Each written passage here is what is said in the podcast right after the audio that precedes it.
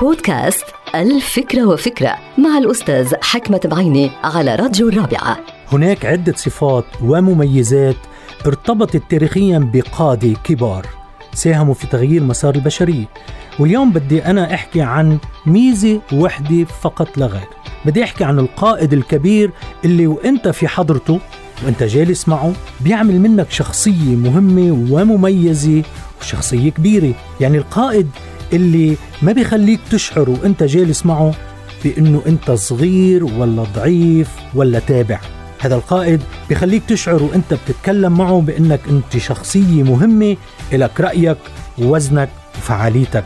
هذا النوع من القادة لا يدير فقط حكومات ودول وأوطان بل من الممكن أنه يكون عم بدير عائلات ومؤسسات وشركات صغيرة. هالنوع من القاضي موجود في كل مكان وزمان وفي كل القطاعات والفعاليات. هذا النوع من القاضي يملك قدرة شخصية على تحويل طاقته ونفوذه وقدراته إلى شخص آخر. جالس معه وعم بيتحدث معه وعم بيشارك المكان والزمان.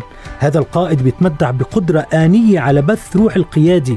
وإنت جالس معه قادر على تعزيز الثقة بنفسك مهما كانت ضعيفة أو واهنة. قائد حكيم بكل ما للكلمة من معنى. وفيني أقول أنه هو طبيب نفسي وخبير في شؤون الناس وشجون الناس. أنا أعرف قائد هو أب بيملك تلك المميزات. وبعرف كمان قائد هي أم بتقود وبتسير وبتدير عائلتها بهالمميزات. بعرف كمان مدير وزميل وصديق عندهم نفس المميزات. إنها القيادة المميزة فعلا. انتهت الفكرة. هذه الحلقة مقتبسة من كتاب الفكرة وفكرة.